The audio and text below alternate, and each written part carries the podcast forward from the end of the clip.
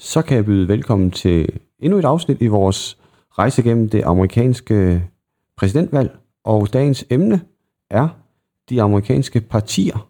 Og til at øh, hjælpe mig igennem det, har jeg Anne Mørk, som sædvanligt. Øh, uden hendes viden var vi jo ildestet her. Øh, og Anne, normalt hører man jo om to partier i USA. Øh, demokraterne og republikanerne. Er der kun to partier, eller findes der andre partier? Der er rigtig, rigtig mange politiske partier i USA. Det er jo et meget stort land, og der er øh, med over 300 millioner mennesker, og der er øh, enormt store interne forskelle i USA. Så det giver meget god mening, at der er mange forskellige partier i USA.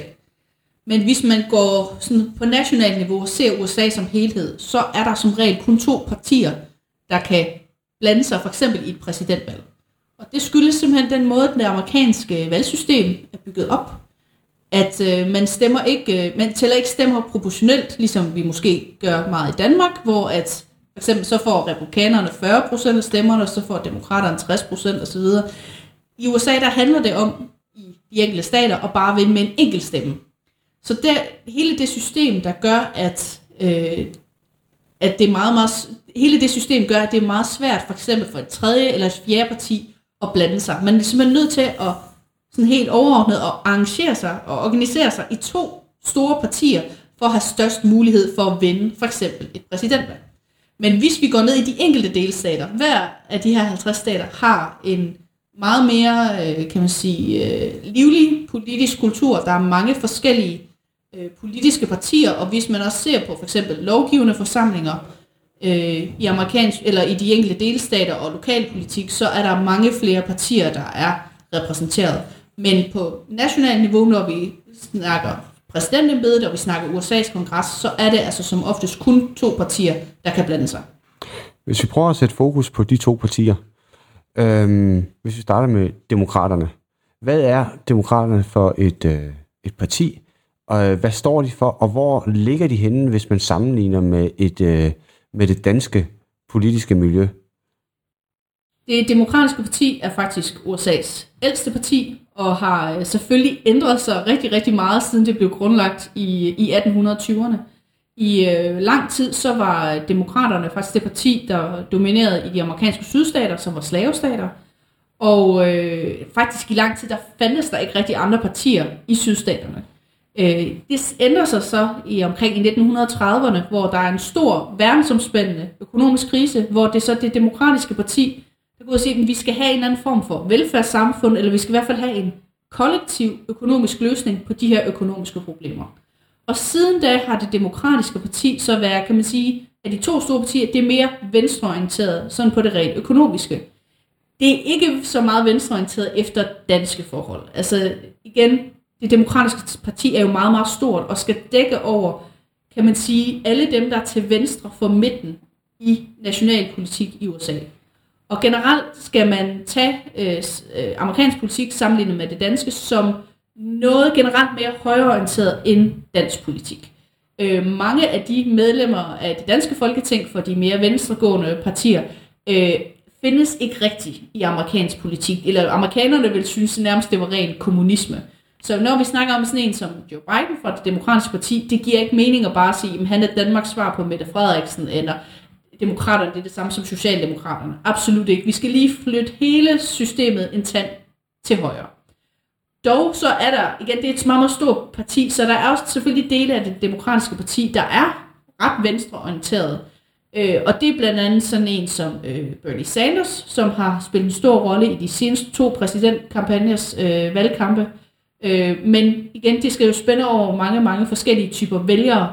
Så generelt så øh, de demokrater, der sidder på magten som regel, dem der har mest indflydelse, de er meget mere moderate, de er mere midtersøgende, og som sagt noget mere til højre, end vi er vant til for eksempel den danske venstrefløj.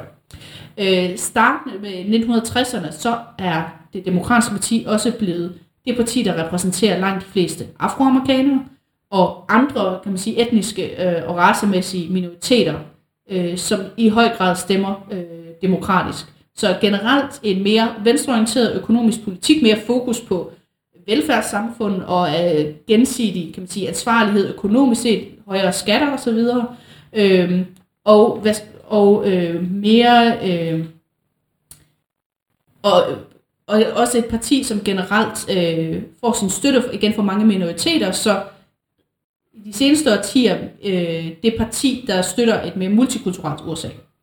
Ja. Hvis vi øh, så hopper over på den anden side, så har vi øh, republikanerne. Hvad er det for et parti? Hvad står de for, og øh, hvordan vil du øh, karakterisere dem i forhold til danske forhold? Det republikanske parti er, blev i sin tid faktisk grundlagt øh, som et anti-slaveri-parti, hvilket godt for mange i dag kan virke lidt, øh, kan virke lidt overraskende, eftersom de fleste ikke hvide mange afroamerikanere i dag stemmer på demokraterne. Men i sin tid var republikanerne faktisk et antislaveriparti.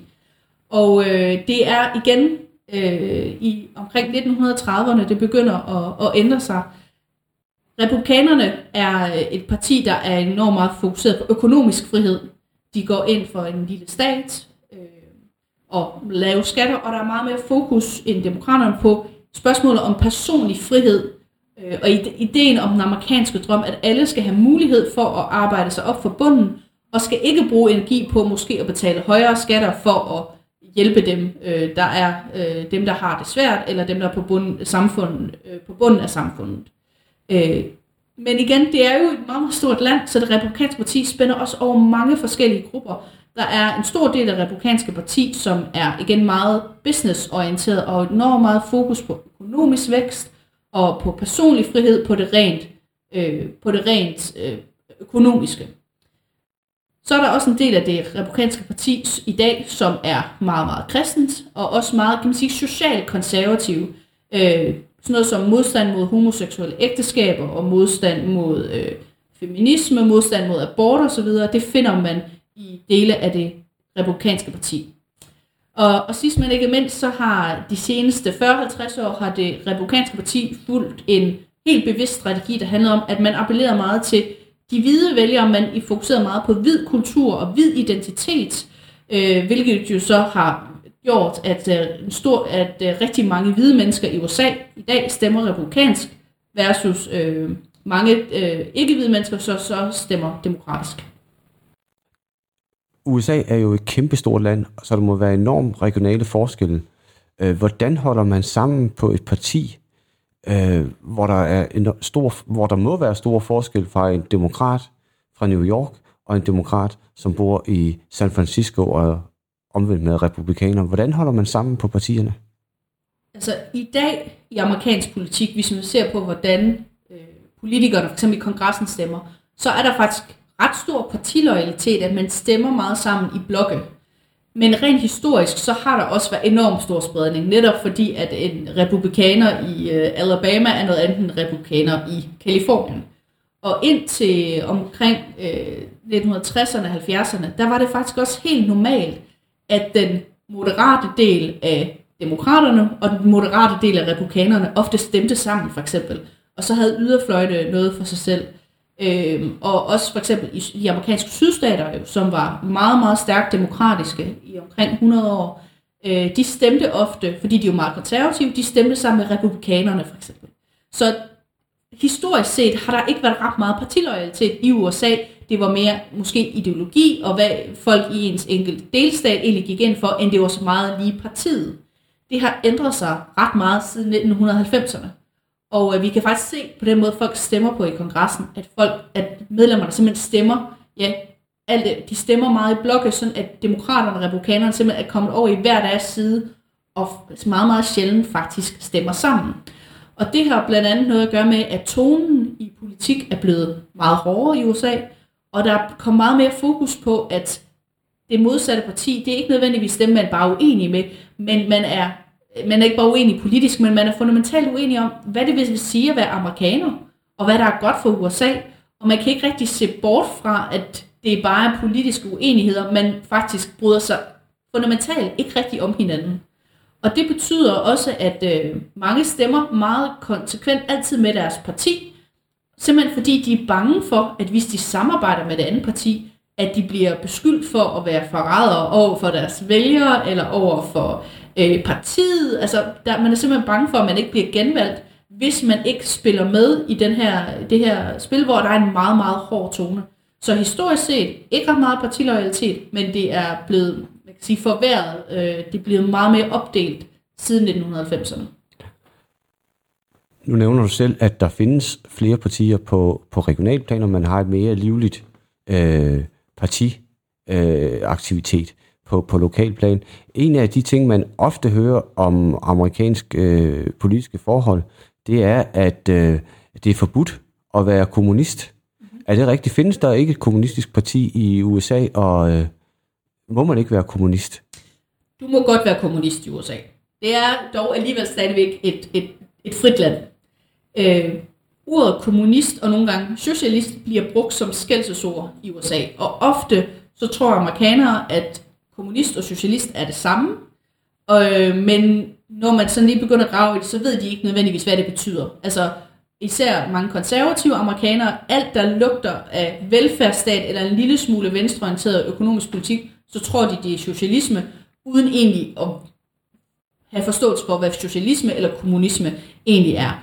Øh, tilbage under den kolde krig, der, kunne man, øh, der var faktisk øh, regler for for eksempel, at hvis man var medlem af det amerikanske kommunistparti, eller havde været det engang, så kunne man for eksempel ikke være offentlig ansat. Og det var simpelthen fordi, man var bange for, at hvis folk var kommunister, at så de på en eller anden måde arbejdede for Sovjetunionen, var ude på at, at, at angribe USA eller sabotere USA.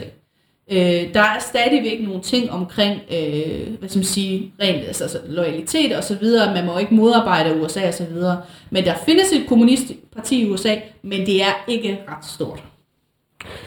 Tusind tak for indføringen i de amerikanske øh, partier og aflivning af en myte.